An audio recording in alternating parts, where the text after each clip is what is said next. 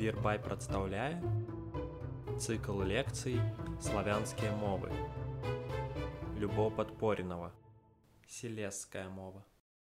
У кожнага народа абавязкова будзе свой анекдот, который апісвае адносіны з іншымі народамі, зазвычай з тымі, з якімі ёсць нейкія гістарычныя, палітычныя, культурныя супярэчнасці. І падобны анекдот нядаўна трапіўся мне на вочы пра адносіны селесца, кашуба, якія маюць вельмі спецыфічны статус у польскай дзяржавы і варшавяніна. Паводле анекдоту яны ўсе трапілі ў егіпет на адпачынак і падчас чарговай экскурсіі вылавілі з вады бутэльку у якой быў заключаны джин яны гэтага джина выпускаюць і рабіць няма чаго. Джин кажа слухайце магу выканаць тры жаданні але крыласка па адным на кожнага кашуб так расчуліўся што сказаў вы ведаеце так люблю сваю зямлю няхай зямля кашубаў заўсёды будзе багатая няхай там будзе шмат зеляніны шмат рыбы ў рэках няхай она заўсёды будзе шчаслівая другім быў варшавянин альбо варшавяк. Форма варшавяк будзе ніжаная стылістычна. Варшавякам прыпісваецца грэблівае стаўленне да тых хто жыве па-за варшавай у прыватнасці да этнічных нацыянальных меншасцяў. Дык вось варшавянин пажадаў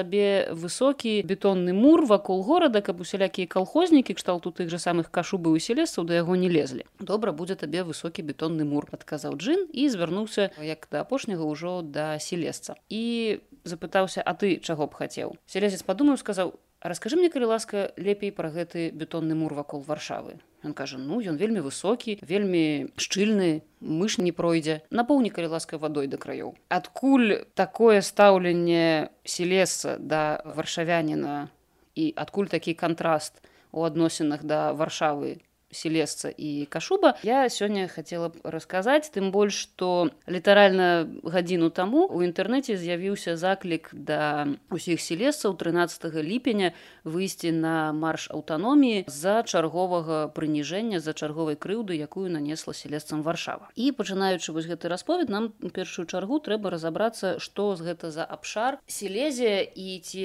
пакрываецца ён з абшарам функцыянавання селескай мовы. Селеская назва гэта шлюнск польская шлёнск чэшская напрыклад слеско. Адкуль яна паходзіць існуе як мінімум тры версіі у большай ці ў меншай ступені крытыкаваныя я пачну хутчэй за ўсё з самай на сённяшні дзень аўтарытэтнай амаль неаспрэчнай вельмі лінгвістычнай версіі што назва гэтага рэгіёну паходзіць ад слова шленг который значыць вільгаць слоту просто таму што то гэтым тэрыторыям у прыватнасці ніжняй селезіі была была ўласцівая вялікая колькасць балотаў багнаў. Дзве іншыя версіі яны зазвычай больш рашуча адкідаюцца але для нас яны вельмі важныя. Першая версія гэта ад назвы ракі шленза альбо гары шленжа тут ужо разыходзяцца версіі аўтараў гэтай гіпотэзы і адпаведна ад утворанага ад гэтых ракі альбо гары назвы племені шленджане которые жылі на тэрыторыі сённяшняй ніжняй селезі ну адразу я яшчэ про гэта скажу але забегаючы наперад скажу што ніжняя селезія яе гістарычным цэнтрам і нават на сённяшні дзень адміністрацыйным з'яўляецца ўроцлаў і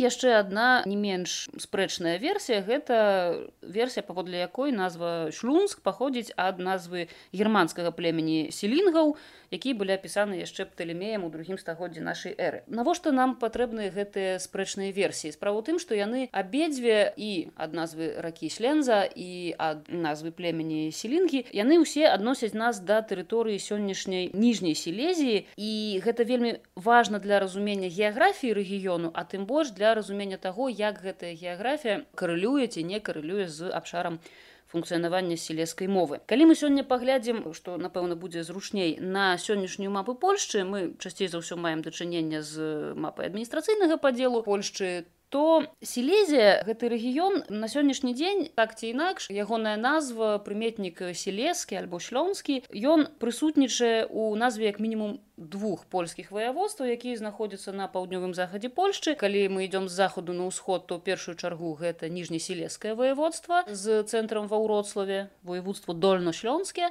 На самым усходзе знаходзіцца селескае ваяводства воеводство шлёнске цэнтрам якога з'яўляецца горад катовіце. І паміж імі знаходзіцца апольскае воеводство со сталіцай ополе. Акрамя пералічанага абшару гэтых трох польскіх воеводстваў селезія гэта таксама невялікая тэрыторыя на ўсходзе германії а таксама на поўначы чэхі гэта і ёсць сілезія у гістарычным разуменні да якога вельмі любяць вяртацца у нейкіх палітычных мэтах прадстаўнікі публічнага польскага і селескага таксама жыцця. Сам па сабе гэты рэгіён займае плошчу каля 40 тысячаў квадратных кіламетраў што супастаўляльна амаль на сто процентаў з тэрыторыі якую займае мінская вобласць у беларусі. Ці можна сказаць што ўся гэтая тэрыторыя гэта абшар функцыянавання селескай мовы? На жаль нельга сказаць што селеская мова функцыянуе аж на такой дастаткова вялікай тэрыторыю 40 тысяч квадратных кіламетраў і вось тут якраз таки варта звярнуцца да ніжняй селезі якую адразу трэба выключыць з гэтага абшару за кошт гістарычных культурных лінгвістычных прычын. На сённяшні дзень ніжняя селезія гэта хутчэй геаграфічная і гістарычная назва ні культурна ні этнічна ні лінгвістычна гэты рэгіён сёння не з'яўляецца селескім Чаму так адбылося? Тэрыторыя ніжняй селезіі, э, па-першае, значна даўжэй і значна больш стабільна пры ўсім тым, што селезію перакроівалі паміж некалькімі дзяржавамі, дзяржаўкамі, прадзяржаўкамі вельмі вельмі часта, то якраз такі ніжняя селезія найбольш стабільна і найдаўжэй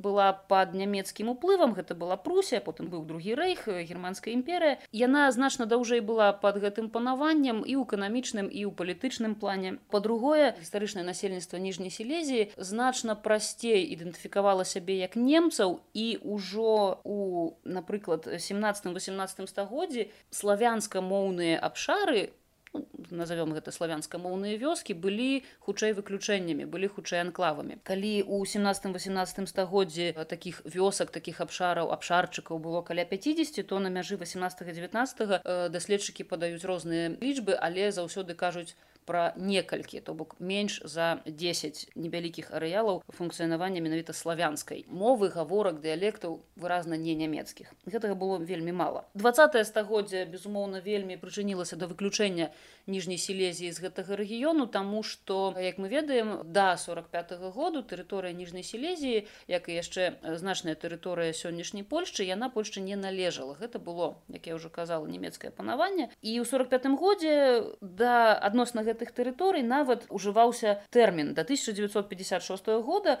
абсолютно афіцыйна что называется на пожонтку дзенным ужываўся тэрмін земе адзысканы что значыць на ноў здабытыя вернутыя землі звязвалася гэта з тым что насельніцтва которое сябе як я уже сказала ідэнтыфікавала як немцаў з гэтых тэрыторый высялялі на прычым высялялі масава і на іх месца прыходзілі жыхары былой усходняй польшчы крэсу всходніх а ў прыватнасці напрыклад гэта была заходняя Беларусь заходняя Украіна то бок тыя землі которые до 39 -го году лічыліся ўсходнімі польшчамі. Де-факто яны прыходзілі на апусцелыя землі. Яе там і не было занадта гэтай этнічнай разнастайнасці а так не, не засталося нават следу засталася де-факто пустая зямля которую канешне паланізаваць было вельмі лёгка. Не кажучы ўжо пра тое што само па сабе гэтае перасяленне з былых усходніх ускраінаў польшчы адбывалася у атмасферы такой ідэалогіі і прапаганда як вядома прапаганда гэта часцей за ўсё прымітызаваны погляд на нейкую з'яву. Так вось у атмасферы таго што у перасяленцаў вельмі вітаўся выразна антынямецкі настрой калі яны туды пераязджалі. З такім перасяленцам вельмі спрыялі іх падтрымлівалі. а по-другое функцыянаваў і у некаторым у пэўным выглядзе нават на сёння ён захаваўся такі міф пра польскасць пра даўнюю старажытную польскасць гэтых тэрыторый які фармуляваўся прыкладна так. Ніжняя сілезія гэта спрадаўна яшчэ з адпяста польская тэрыторыя якую просто трэба ачысціць з яе трэба змыць вось гэты нямецкі налёт. І калі мы сёння паглядзім ужо не на э, карту, которая адлюстроўвае адміністрацыйны падзел Польшчы, а ўжо паглядзім на карту дыялектаў, якія функцыянуюць у Польшчы, ніжняя сілезія нават часткова не падпадае пад абшар саміх сілескіх дыялектаў, якіх таксама шмат. Калі мы паглядзім на гэтую карту, мы пабачым там подпіс новыя мяшаныя дыялекты. Таму што, як я ўжо сказала, перасяляліся сюды насельнікі былой заходняй беларусі заходняй украіны которые безумоўна самі былі носьбітамі вельмі розных дыялектных варыянтаў гаворак по э, польскай польска-украінскай польска-беларускага варыянту гэтага дыялектнага кантынуума яны перасяляліся змешваліся паміж сабой і менавіта таму гэта новыя мяшаныя дыялекты калі мы ўжо загаварылі пра ніжнюю сілезію лагічна заключыць што ёсць канешне верхняя сілезія. І вось гэты падзел на ніжнюю і верхнюю сілезію ён нам дазваляе адразу выключыць з абшару функцыянавання сілескай мовы ніжнюю сілезію што адбываецца з верхняй верхняя таксама не вельмі аднародная і калі мы вось набліжаемся да тэрыторый на якіх усё ж таки функцыянуе сілеская мова то зноў таки даводзіцца выключыць так званую цешынскую сілезію гэта тэрыторыі на памежы з чэхіяй з цэнтрам таким культурным гістарычным у горадзе цешын і вельмі выразна ілюструе пераходнасць гэтай тэрыторыі тому что калі знаходзішся у поле польскім горадзе цешын вы просто пераходзіце мост праз раку ользу якая утварае натуральную дзяржаўную мяжу паміж польшчай чэхіяй вы застаяцёся ў цешыне праўду ў яго чэшскай частцы. А яшчэ вы ўжо пераходзіце ў іншую дзяржаву вы ўжо знаходзіцеся ў чэшскай рэспубліцы Так вось гэты рэгіён быў пададзены вельмі сур'ёзным чэшскім і пазней ужо аўстрыйскім уплывам, калі гэта была частка аўстрыйскай імперыі. Ёсць яшчэ асобны рэгіён, гэта апольская сілезія, вось гэта якраз такі, які знаходзіцца нібыта вось это опольскае воеводство яно яго самая заходняя частка адносіцца да гістарычнай ніжняй сілезіі цэнтральнай усходняя да гістарычна верхняй сілезіі але вось гэты апольскі рэгіён сам па сабе не характарызуецца функцыянаваннем сілескай мовы не з'яўляецца абшарам функцыянавання сілескай мовы просто за кошт выразна лінгвістычных дыялектных адрозненняў. Адзіны абшар які нам застаўся гэта так называемая уласна верхняя сілезія альбо цэнтральная сілезія альбо прамысловая сілезія горна-прамысловая круга альбо гарадская сілезія пра праслушнасць кожнага з гэтых тэрмінаў і вось шматаспектнасць гэтай з'явы я яшчэ абавязкова скажу Што гэта за абшар? Гэта абшар вуглездабыўнай прамысловасці адбываецца тут адбывалася дакладней пераважна здабыча каменнага вугалю. І гэта абшар такіх гарадоў як катавіцы, святахлавіцы, хожаў, э, рудашлёнска, мыславіцы, бытом, забжа, глівіцы і іншыя гэта гарады і блізкія да іх тэрыторыі гарады гэтыя пераважна будаваліся вакол вуглездабыўных шахтаў і Чаму так атрымалася? Чаму мы кажам толькі пра гэты рэгіён вось гэтую прамысловую гарадскую сілезію як абшар функцыянавання э, сілескай мовы прычым тут у прынцыпе вугаль? Таму што калі мы паглядзім напрыклад на такі горад як рыбнік ён якраз такі значна бліжэйшы да цешынскай сілезіі справа ў тым што носьбіты гаворак якія пазней далі базу для ўтварэння сілескай мовы яны былі рабочымі і шахцёрамі которые пераязджалі ў гарады. і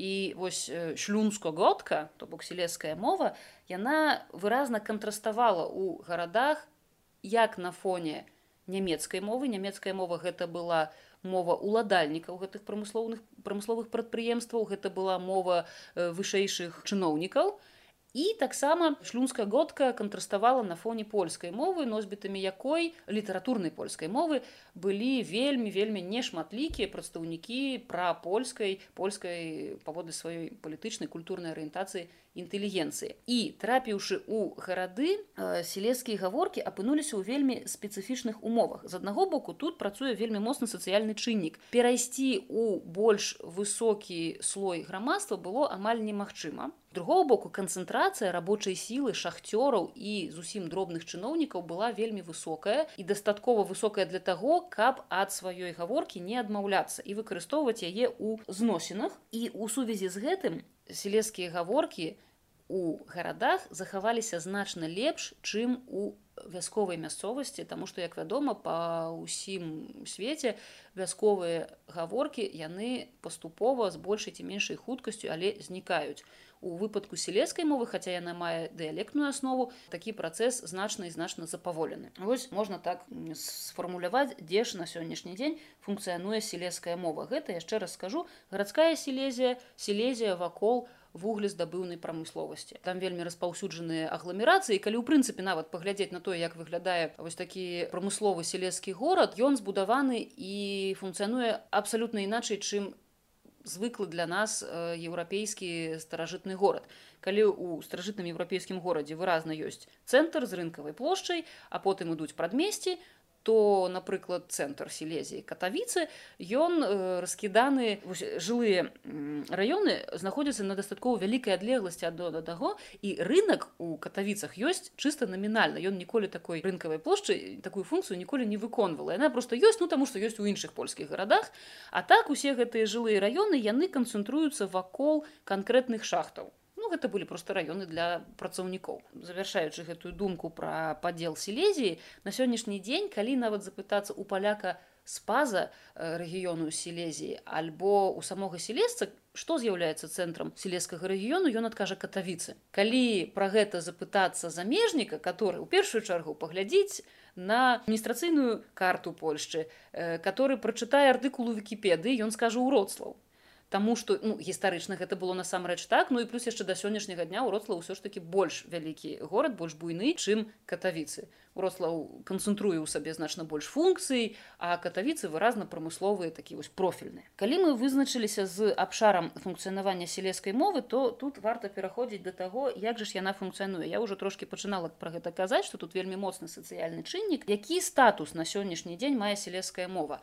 Я павінна падкрэсліць, што тэрміну сілеская мова ўжываю я і ўжываю яго так як я чалавек вельмі спаза гэтага рэгіёну і ўжываю, хутчэй з павагі для сваіх калег которые вельмі дбайна ставяцца да шлюнскай годкі ужываю яго згодна з воляй якраз такі прадстаўнікоў селеска і вось тут таксама пытанне селесцаў селескай меншасці селескага народу Таму што тэндэнцыя тут вельмі цікавая. Безумоўна носьбітамі гэтай ідэі самастойнасці сялескай мовы з'яўляюцца самі селесцы вельмі аўтаномна настроеныя.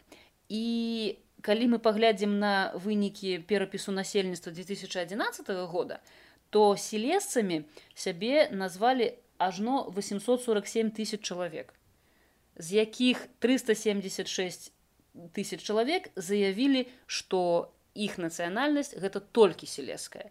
То бок вось гэты 847 тысяч у іх уваходзіць тыя хто казалі толькі селеская. Селеская і польская гэта 431 тысяча. Каля 40 тысяч сказалі пра нацыянальнасць селескую і не польскую не славянскую. Ну хутчэй за ўсё гэта была селеская і нямецкая і разам селесцаў на сённяшні дзень з 2011 года налічваецца 847 тысяч што дзіўна у 2002 годзе калі быў перад апошні перапіс насельніцтва селесцамі сябе назвалі 173 тысячи чалавек пры тым што у перапісе 2002 году нават не было такога варыянту адказу селескі народ да якога вы сябе адносіце. Яшчэ вялікая э, колькасць селеская назовем ее умоўна меншасць на сённяшні дзень у польше з'яўляецца самай шматлікай. У 2002 годзе на другім месцы была нямецкая на третьем беларуская. У 2011 на першым месцы безумоўна гэта селеская на другім кашубская на третьем нямецкая Тут выразна відаць тэндэнцыю, якая ўласцівая ўсёй Еўропе гэта павышаная ўвага і больш актыўнае канстатаванне прыналежнасці сябе не да нейкага вялікага над этнасу так нейкай нацыі, а менавіта да лакальных рэгіянальных меншасцяў рэгіянальных вось такіх этнічных і нацыянальных утварэнняў. Наступны перапіс насельніцтва Польшчы адбудзецца ў 2021 годзе вельмі цікава будзе паглядзець, ці гэтая тэндэнцыя захаваецца ці нешта, зменіцца і вось калі мы бачым што вельмі актыўна сталі канстатаваць прадстаўнікі гэтых абшараў сваю нацыянальнасць як селескую то са статусам мовы сітуацыя выглядае значна больш складана хаця актыўнасць па тым каб дамагчыся права называцца рэгіянальнай мовай яна не спадае ўжо вельмі і вельмі даўно. З спрэчкі вакол статусу сялескай мовы ў Польшчы яны выглядаюць як пераважна барацьба двух у першую чаргу палітычных і эканамічных лагераў. Такога няма у адносінах недаводнай этнічнай ці нацыянальнай меншасці ў Польшчы. Самыя вострыя спрэчкі вядуцца менавіта пра сілезію. І так як вельмі моцнае абгрунтаванне яны маюць менавіта палітычнае то канешне да выключна выразна лінгвістычнага падыходу тут часцей за ўсё справа не даходзіць. На сённяшні дзень дэ-факта спрэчка канцэнтруюцца прычым упарта канцэнтруюцца вельмі часта ігнаруючы версіі меркаванні прафесійных лінгвістаў яна канцэнтруецца вакол двух пунктаў. Селеская гэта мова ці гэта дыялект. Безумоўна называць селескую мову дыялектам схільнай больш у першую чаргу прадстаўнікі афіцыйнай варшавы. Таму што вось зноў такі вяртаючы да таго анекдоту паміж цэнтральнай уладай у варшаве і сілезіяй спрэчкі вельмі гарачыя вядуцца вельмі і вельмі здаўна. З другого боку то бок варшава не хоча прызнаваць сілезію самастойнай Таму што тады давядзецца выдзяляць фінансаванне на адукацыю выдзяляць фінансаванне на сМ на мясцовае самакіраванне і страшны сон варшаўскага цэнтральнага чыноўніка гэта сілеская аўтаномія з другого боку прыхільнікі на адасобленасці сілезі ад іншай польшчы аўтаматычна і рэфлектыўна хапаюцца за тэрмін мова просто таму што у іх няма іншага выбару. Яны хочуць вось гэтым самым акрэсленнем мова уратаваць ад назвы дыялект які чакае вельмі сумны лёс. Паступовае згасанне адсутнасць адукацыі адсутнасць нарматывізацыі стандартызацыі ну абсалютна ніякія неспрыяльныя умовы і безумоўна калі не назваць сілескую мову мовай то страчваецца адзін з самых галоўных аргументаў пры прыхільнікаў аўтаноміі сілезі это існаванне функцыянавання асобнай мовы. Прэчкі гэтыя абвастраюцца на фоне вострай барацьбы за аўтаномію сілезію, якая мае вельмі доўгую гісторыю і на фоне так званай сілескай крыўды гэта адзін са стэеатыпаў пра сілесцаў, Таму што сілезія нягледзячы незалежна ад таго у складзе якой дзяржавы яна знаходзілася ці гэта была пруся ці гэта была германская імперыя ці гэта быў трэці рэйх ці гэта была польшча сілезія ніколі не была раўнапраўнай часткай гэтай дзяржавы. Але прэцэдэнсы як кажуць аўтаноміі у э, селесцаў канешне былі. У прыватнасці 15 ліпеня 1920 года быў прыняты так званы арганічны статут селескага ваяводства які надаваў сілезіі якая на той момант сельскае воеводство у тагачаснай польшчы займала тэрыторыю трошки меншую за 5000 квадратных кіламетраў. Ну, это два сярэднестатыстычныя беларускія раёны. Аўтаномію яна де-факто пачала ажыццяўляцца з 22 года насамрэч гэтаму рэгіёну цэнтральная ўлада ў польшчы надала дзеля таго каб трошки згасіць пра нямецкія сімпаты насельнікаў гэтага рэгіёну і аўтаномія сілезіі існавала і функцыянавала де-факта да 8 кастрычніка 39 -го года калі яе просто афіцыйным указам адмяніў гітлер калі ўжо тыя тэрыторыі былі уключаны афіцыйна ў склад трэцяга рэйху у іх быў статус просто адной з правінцый трэцяга рэйху. Ну і зусім ужо так да юры гэты статус скасавалі 6 траўня 1945 года калі гэтая тэрыторыя была ўжо далучаная на ноў да Польшчы. Варта яшчэ таксама дадаць што адной з вельмі выразных праяў вось гэтай барацьбы за аўтаномію селесцаў была падача заявкі ў 1998 годзе то бок ужо пасля змены на дэмакратычны строй у Польшчы дык вось гэта была пададзеная заяўка на ўтварэнне саюзу насельніцтва селескай нацыянальнасці як это тады назвалася. Яны функцыянуюць да сённяшняга дня хаця афіцыйна вось гэтая заяўка руху аўтаноміі сілезіі не была прынятая ні на водным узроўні з польскай судовай улады у сувязі з чым прадстаўнікі руху аўтаноміі сілезіі звярнуліся у у еўрапейскі суд па правах чалавека ў страсбургу але на жаль нягледзячы на тое што селесцы скардзіліся што такім чынам абмяжоўваецца іх свабода на утварэнне аб'яднанняў тым не менш еўрапейскі суд па правах чалавека магчыма з меркаванняў таго што першую чаргу гэтая праблема павінна быць вырашаны ў польшчы гэтую скаргу гэтую заяву таксама адхіліў чаму спрэчкі вакол аўтаноміі сілезіі і за гэтым стаіць таксама і спрэчкі пра статус сельскай мовы настолькі вострыя і не сціхаюць вельмі і вельмі даўно. Ну па-першае, безумоўна, сам па сабе рэгіён вуглездабыўнай прамысловасці і прамысловасці вугляапрацоўчай, нейкая якая спадарожнічае здабычы каменнага вугалю з'яўляецца стратэгічна важным для любой дзяржавы. У прыватнасці, калі нават гэтая маленькая тэрыторыя, як я ўжо сказала, менш за 5000 квадратных кіламетраў была далучаная у 19 годзе паводле версальскай моўнай дамовы да Польшчы, гэта ўжо дазволіла тагачасна сучаснай новаўтворанай Польшчы дало шанс перайсці са статусу аграрнай дзяржавы у дзяржаву аграрна-прамысловую. Тэрыторыя сілезіі, которая сёння вось называецца гэтай гарадской прамысловай сілезіяй, часткова таксама адышла у Польшчу паводле вынікаў плебісцыту праведзенага ў сакавіку 21 году калі прыняў удзел 1 мільён 190 тысяч 637 чалавек. Насельніцтва гэтага рэгіёну запыталіся ці яны хацелі б належаць юрыдычна адміністрацыйна заканадаўча да германії ці да польшчы. Вынікі гэтага плебісцыту калі браць на агул гэты рэгіён не былі карыснымі для польшчы таму што за польскую опцыю выказалася 40 процентаў насельніцтва за нямецкую 59 і 4 Хаця некаторыя тэрыторыі ўсё ж такі там дзе была большасць за далучэнне да польшчы у склад польшчы ўсё ж такі увайшлі Тут, канешне, выбар э, звязаны не толькі з э, этнічным атаісамленнем сябе з немцамі, але і таксама з вельмі простымі прычынамі. 21 год гэта вельмі цяжкое становішча для польскай дзяржавы, якой на той момант было менш за тры гады. Плебісцыт праводзіцца 20 сакавіка 21 года. На наступны дзень будзе падпісаная рыская мірная дамова, але тым не менш э, Польшча вось толькі-толькі заканчвае вайну з савецкай рассіяй. Безумоўна, эканамічна падтрымліваць рэгіён амаль не было магчымасці хаця і ў 1919 і ў 1920 і ў 1921 адбываюцца тры селескія паўстанні паўстанні былі якраз такі супраць таго каб гэтая тэрыторыя належала германії гэта былі такі прапольскія паўстанні. Як і плебісцыт так і паўстанні адбываліся ў вельмі спецыфічнай атмасферы. Вельмі часта гісторыкі пішуць што гэта быў не асабісты тэрор шантаж хабар запалохванне патэнцыяльных выбаршчыкаў. у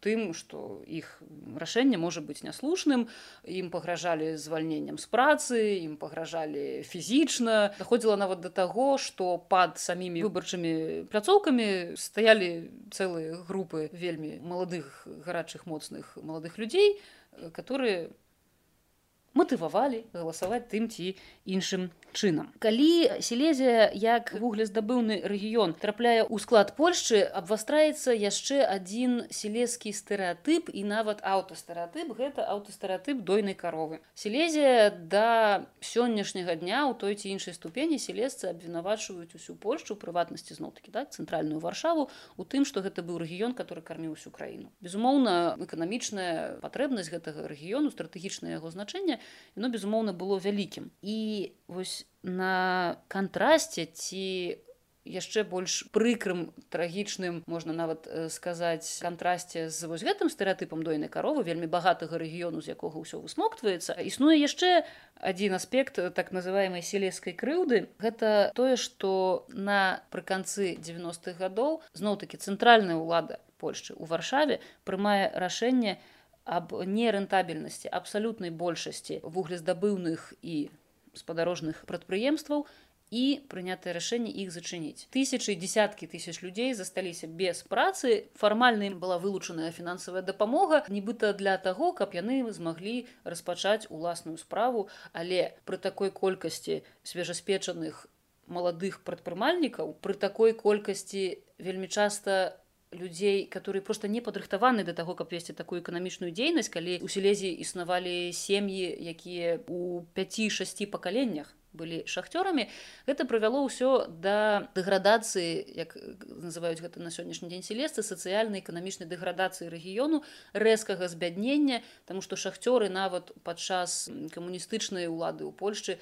гэта была адна з самых заможных груп насельніцтва прынамсі яна мела неверагодныя на той момант і льготы неверагодныя на той момант скажем так хады і магчымасці гэта конечно таксама адлюстроўвалася у заробках. Таким чынам вось на змену экалагічнай дэградацыі калі рэгіён выкачвалі калі рэгіён эксплуатавалі нягледзячы на тое як гэта адлюстроўваецца на здароўі. Таму што вуглездабыўчая прамысловасць вельмі дрэнна ўплывае на стан здароўя у прыватнасці на лёгкі на, на, на сардэчную сістэму чалавека то на змену вось гэтай экалагічнай дэградацыі прыйшла дэградацыя сацыяльна-эканамічная. Яшчэ адзін момант наконт якога дагэтуль вядуцца вельмі сур'ёзныя спрэчкі гэта канешне пытанне фолк-лісту. Фолк-ліст гэта уведзеная па загадзе гімлера на акупаваных тэрыторыях 4 сакавіка 1941 года прымусовае праходжанне такога анкетавання насельніцтвам акупаваных тэрыторый каб праверыць іх на прыналежнасць да нямецкага народу. Там было чатыры класы насельніцтва паводле паходжання. Зазвычай першы клас гэта быў самы высокі гэта людзі которые змаглі ледзь не сваё чыстае рыйскае паходжанне даказаць другі ўжо больш-менш змяшаны трэці самы апошні з класаў который падлягаў службе ў вермахце і чацвёрты гэта зусім непрыдатныя для нямецкай дзяржавы для у тым ліку службы ў войску не кажучы ўжо пра нейкія цывільныя грамадзянскія установы.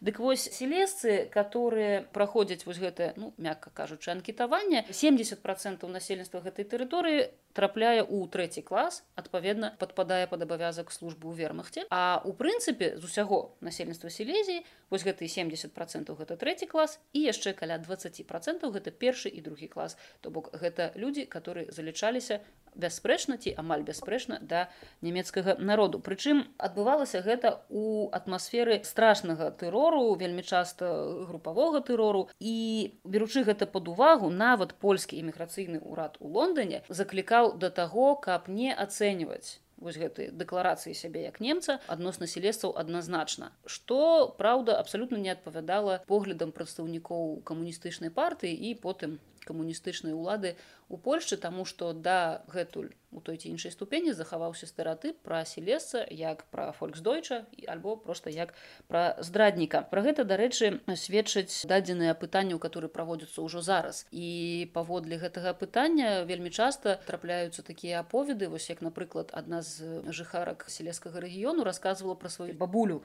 которая у 1945 годзе страціла ўсё. Яна страціла кватэру яна страціла сваю маёмасць яна нават страціла мужа ну что насамрэч значит што муж быў расстраляны менавіта таму што яны ў свой час былі ўпісаны ў гэты фолк-ліст і уратавалі жыццё бабулі вось гэтай жыхаркі селезіі толькі яе сяброўкі у которых былі польскія прозвішчы яны за яе паручыліся і такім чынам атрымалася захаваць жыццё канешне гаворка ўжо пра маёмасць пра нейкія правы не ішла і да канца свайго жыццёвага шляху хутчэй за ўсё гэты чалавек ацэньваўся афіцыйнымі ўладамі менавіта як здраднік як чалавек который не варты даверу камуністычнай улады у Польшчы. Пасля 1945 года, як я ўжо сказала, акрамя вось гэтага стэеатыпу фолькліста на тэрыторыю селезіі пачынаюць масава прыязджаць жыхары з іншых тэрыторый Польшчы. Гэта ўжо не былі толькі былыя крэсы сходні, гэта не была толькі заходняя Беларусі Украіна, гэта былі вельмі розныя рэгіёны. Пасля 45 -го года селесцы чарговы раз апынаюцца ў прыніжаным становішчы ну па-перша як я ўжо казала 6 траўня 45 -го года фармальна адмяняецца аўтаномія гэтага рэгіёну па-другое вось гэтыя перасяленцы людзі па сутнасці которые нічым ніяк не культурна не этнічна не палітычна не юрыдычна ніяк не былі звязаны з селезій а апынаюцца ў лепшым становішчы чым аўтахтоны па-першае яны сюды пераязджаюць у атмасферы такой ідэалогіі што вось зараз мы пра нямецкую здрадніцкую тэрыторыю селезіі заселім чыстымі палякамі по-другое вельмі часта вось у гэтай атмасферы адбываюцца выразныя правакацыі і падбухторванні у адрас мясцовага насельніцтва. Не кажучы ўжо пра тое што перасяленцы вельмі часта апыналіся ў рэзка лепшых эканамічных умовах чым аўтахтоннае насельніцтва.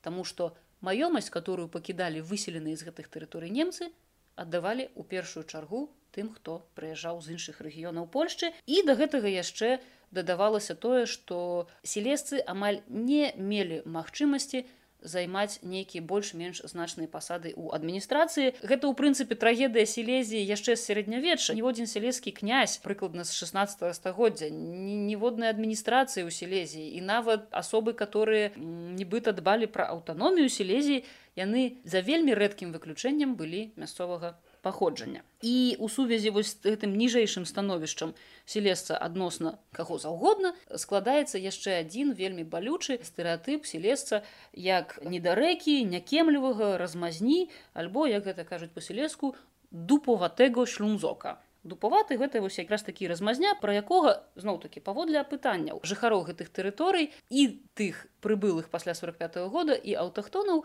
селезец на Ну гэта чалавек которого можна прымусіць працаваць але годны заробак ён сам ніколі не адважыцца размаўляць. Селезец гэта чалавек которого можна прымусіць рабіць ўсё што заўгодна. Альбо больш мяккі варыянт это тое што селесцы вельмі добрыя сардэчныя але каб нешта сабе адваяваць адстаяць то гэта не. Вось у такой атмасферы зараз адбываюцца спрэчкі наконт статусу селескай мовы. Селескія палітыкі колькі месяцаў таму на чарговыя перамовы з варшавай з'язджалі у цягніку з імі развітваліся з транспарантам без аўтаноміі не вяртайцеся і вось зусім нядаўна у чэрвені польскі сейм чарговы раз адмовіў у тым каб пачаць разглядаць пытанне аб наданні селескай статусу рэгіянальнай мовы. Гэтае пытанне і так заяўлена ў 2016 годзе паслом ад сілезіі было так званым сеймавым маразільніку то бок да яго просто не звярталіся у чэрвені 19 года нібыта нейкія спробы гэта абмеркаваць пачаліся і вельмі хутка скончыліся непрызнаннем чарговы раз для селескай статусу мовы. Гэтыя спрэчкі адбываюцца ўсе ў вельмі выразнай палітычнай атмасферы. А што можна сказаць лінгвісту на гэты конт, якія погляды выказваюць лінгвісты. Ну па-першае і ключавы погляд гэта тое, што вось гэта дыхатамія, гэта мова альбо гэта дыялект у навуковым, у гістарычным, якім заўгодна плане з'яўляецца вельмі вельмі састарэлай.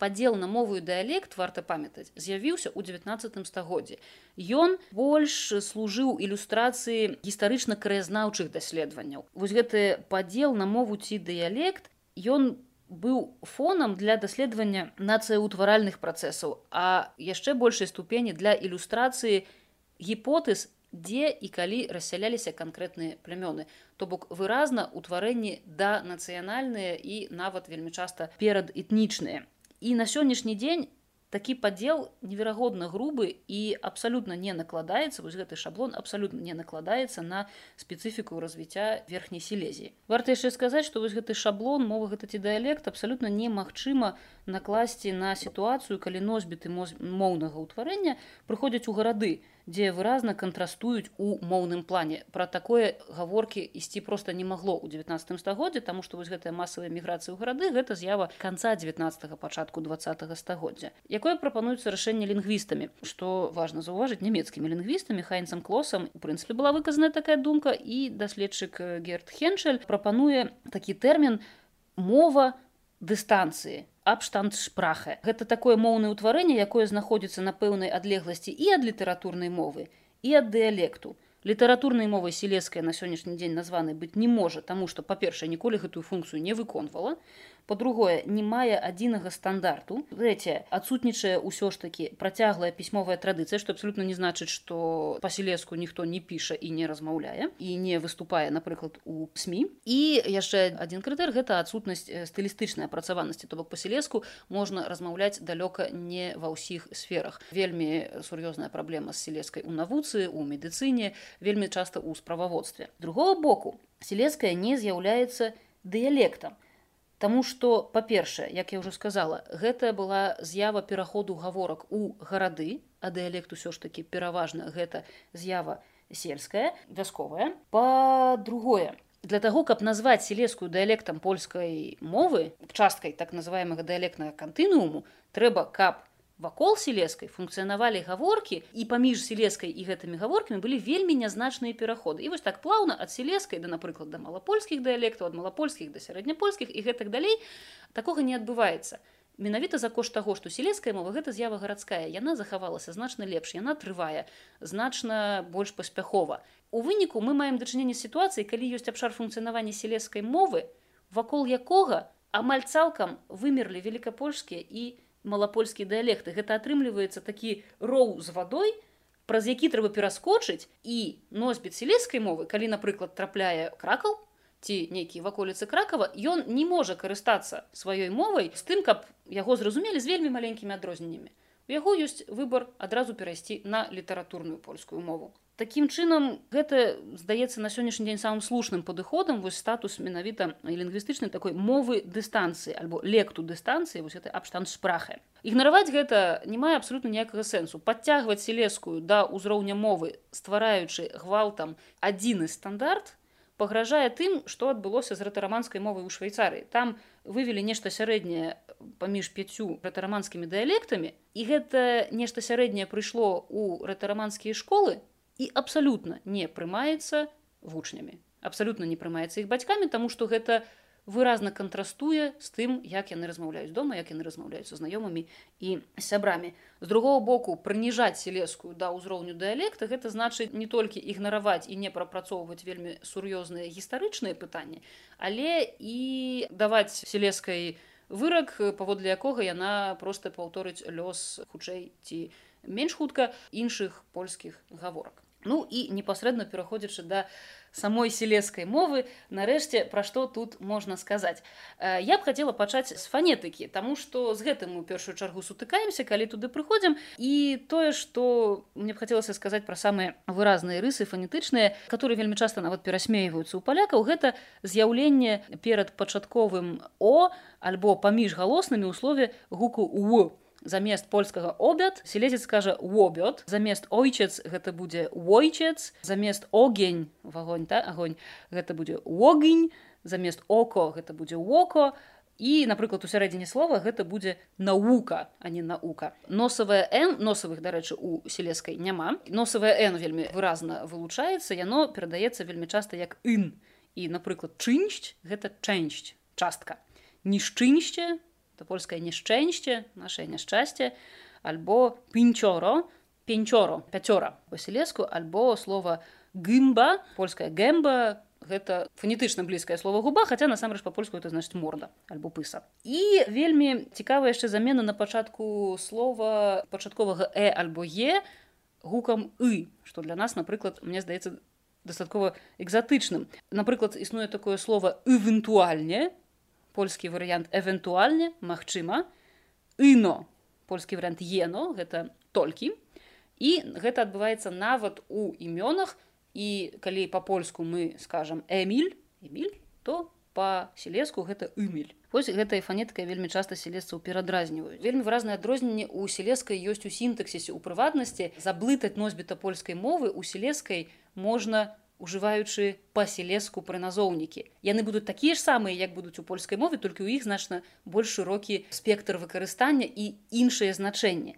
Напрыклад, самых хутчэй за ўсё вядомы і такі хрыстаматыйны прыклад гэта ўжыванне прыназоўніка без. Па-польску без гэта без, без чагосьці, так какое-нибудь там без віны, без віны, то у селескай без мае значэнне такога пранікнення, напрыклад, ехаць без катовіцы гэта ехаць праз катавіцы альбо пошлі далей без пустыню это не пайшлі далей без пустыні а яны пайшлі далей праз пустыню вельмі цікавая таксама гэта залічаецца да нямецкіх уплываў прыназоўнік от альбо яго версія от там фанетычна гэта розніца залежна ад таго дзе мы запытаемся і дзе мы паразмаўляем вельмі дарэчы падобныя да германскай канструкцыі з прыназоўнікам оф напрыклад брат от адама гэта просто брат адама. Альбо кава от ты пані гэта кава той пані гэта кава гэтай жанчыны гэтай спадарыні мама от юрка гэта просто мама юрка мама юрыка ягоная мама. Альбо вось яшчэ такая канструкцыя якая мне сустрэлася ў тэкстах от мамы брата сын гэта сын брата мамы і вось гэта безумоўна канешне можа заблытаць нават калі мы дамо сабе рады з селескай фанетыкай. Вельмі выразная і таксама на жаль гэта з'яўляецца не толькі выразнай рысай селескай мовы але і адным з пунктаў паводле якіх селескую абсмейваюць гэта селескае словоутварэнне я думаю что самае выразнае гэта канешне суфікс ок у вялікай колькасці селескіх словаў і ну, прынамсі прадстаўнік гэтай этнічнай меншасці гэта шлёмзок на кантрасце з тым каго па-польску называюць кройцок гэта якраз такі тыя самыя перасяленцы пасля 45 -го году так которые перасяліліся з краю. Кройцок. Так можна таксама называць чалавека паводле яго э, нацыянальнай прыналежнасці напрыклад італок гэта італьянец але гэта таксама і цудоўны спосаб называць чалавека паводле занятку які ён выконвае у прыватнасці слова воёк гэта жаўнер салдат які ваюе. Альбо так можна назваць чалавека паводле яго нейкіх рыс характару альбо інтэлектуальных здольнасцяў. Ну так як селесцы як пра іх кажуць людзі простыя сардэчныя вельмі шчырыя ёсць слова гупеёк дурань альбо па-польску гупек гупеёк чмок ад слова тьма тем цёмны так гэта темнота польская чемното то бок чалавек маладукаваны з не вельмі высокімі інтэлектуальнымі здольнасцямі і гэты ок таксама ўжываецца для назваў прадметаў ці нейкіх будынкаў напрыклад мобільнёк гэта мабільны телефон. Гэта слово которое з'явілася як мы разумеем вельмі нядаўна але прыжылося амаль адразу гэта слово фамілёк так называются вялікія шматкватэрныя дамы которые масава будаваліся нямецкімі прамыслоўцамі для працаўнікоў шахтаў. На сённяшні дзень гэта адзін з самых пазнавальных знакаў гэтага рэгіёну. Вось вялікія комплексы жылыя гэта ледзь не першыя шматпавярховыя дамы ў гэтым рэгіёне і ледзь не першую польшчы дамы у которых куды была праведзеная газа і дзе была свая ўласная каналізацыя. То бок гэта такі адзін са знакаў селескай цывілізаванасці якая распачалася яшчэ ў двадцатым стагоддзі нягледзяч на тое што рэгіён у прынцыпе занядбаны. І яшчэ адна цікавостка пра селескае словаўтварэнне калі мы ў інтэрнэце а селеская мова ў інтэрнэце выкарыстоўваецца вельмі актыўна калі мы бачым жартаўлівы напіс што ўсіх людзей на свеце можна падзяліць на любасць яны катоў ці сабак любяць яны фанту ці колу карыстаюцца яны apple ці android то вось якраз такі селесцы сябе падзяляюць на тых хто любіць шклокі і на тых хто любіць копальнёкі А гэта насамрэч назвы аднаго з самых вядомых турыстычных рэгіянальных брэндаў селезіі гэта назвы цукерак гэта назвы ледзяшоў. Толькі шклёкі яны будуць напаўпразрыстыя і маюць смак напрыклад вінаграду яблыка. А копальнёкі яны чорныя нагадваюць слова капальня так? Копальня шахта. Яны нагадваюць кавалкі вугалю і яны маюць вельмі спецыфічны смак анісавы. І кожны селезец павінен вырашыць ён шклок ці ён купальнік ну і самае самае напэўна вядомае самае смачнае самае можа нагляднае гэта канешне селеская лексіка.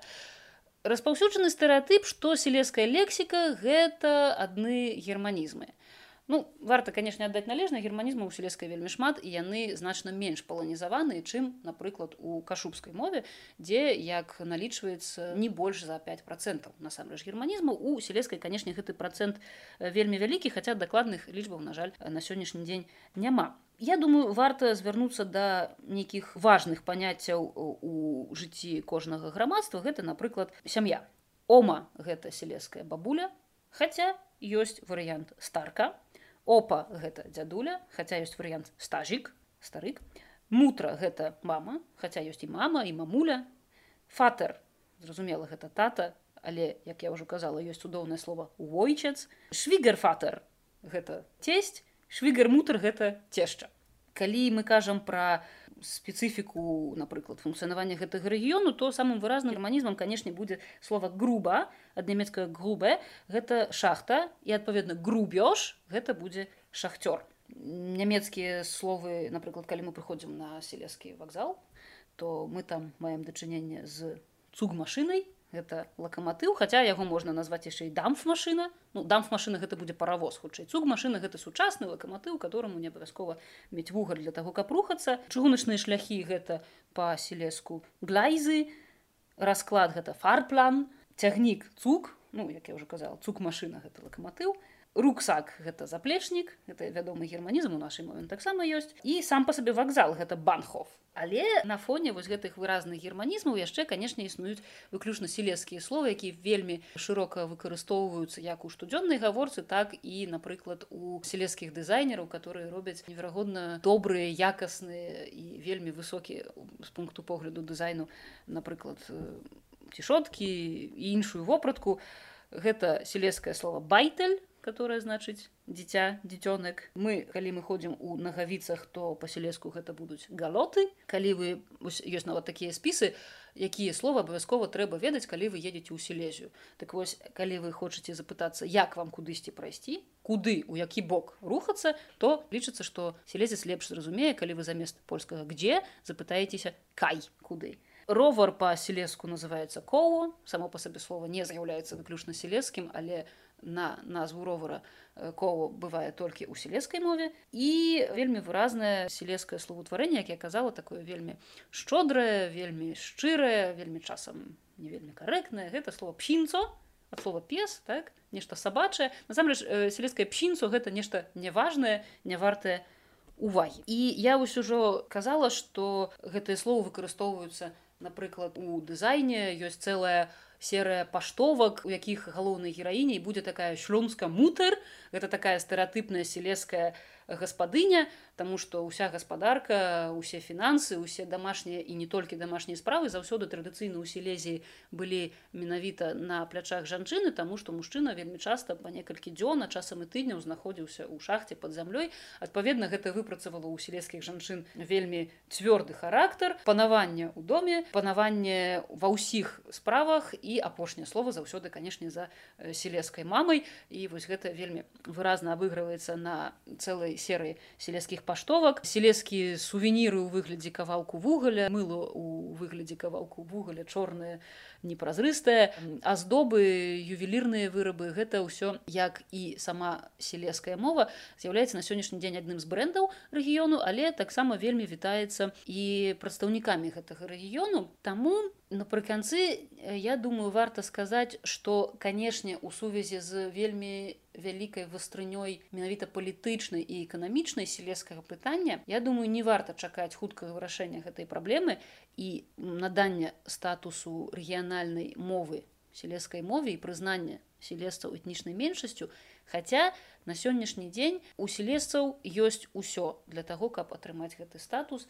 Яны знаходзяцца ў адным кроку ад таго каб пачаць лічыцца этнічнай меншасцю і каб іх мова пачала лічыцца рэгіянальнай мовай на сённяшні дзень існуе вялікая колькасць перакладаў і сусветнай літаратуры на сілескую мову. Так напрыклад на сілескую мову быў перакладзены маленькі прынц на сілескую мову існуюць пераклады данте шекспіра дыкенса на сілескую мову перакладаюць безумоўна і польскую класіку прыватнасці адама міцкевіча а на сілескай мове ствараюцца шматлікія блогі і інфармацыйныя парталы на сённяшні дзень вельмі вялікай папулярнасцю сярод сілесцаў карыстаюцца конкурсы на самае прыгожае сілескае слово. Вось адзін з іх быў некалькі год таму арганізаваны газетай выборчай на тэрыторыі сілезіі людзі дасылалі свае лісты ў рэдакцыю з тым якое слово найбольшым здаецца сілескім найбольш асацыюецца з дзяцінствам праведзеным у сілезіі. З гэтага паўстала анталогія найпрыгажэйшых польскіх слоў. З'яўляюцца у серыі напрыклад тысяча ангельскіх слоў тысяча французскіх таких размоўнікаў вось у гэтай серыі з'яўляецца маленькі слоўнічак тысяча сілескіх слоў і паўстае хаця і адсутнічае адзіны як я ўжо казала стандарт сілескай мовы паўстае напрыклад шэраг нон-фікшана по сілеску просто матываваны тым что аўтар і амаль кожны аўтар ва ўступе абавязкова напіша мне ўсё роўна як вырашыць палітыкі. Я просто не хачу згубіць вось гэтай сваёй сілескасці. Я просто не хачу згубіць словаў которые для мяне асацыююцца з дзяцінствам з маёй маладосцю з маёй сям'ёй з маімі бабулямі з нашымі традыцыямі і нашай адметнасцю. Таму я думаю палітычнага рашэння давядзецца чакаць яшчэ доўга. А пра тое што сілеская мова захоўваецца развіваецца прасоўваецца на розных узроўнях і дабываю ўсё больш і больш сімпатый я думаю якраз такі казаць выпадае што безумоўна дае надзею што вось гэты апошні крок прызнання э, сялескай мовы рэгіянальнай мовы польшчы так ці інакш раней ці пазней адбудзецца. Для гэтага яшчэ раз паўтаруся у селесцаў усё ёсць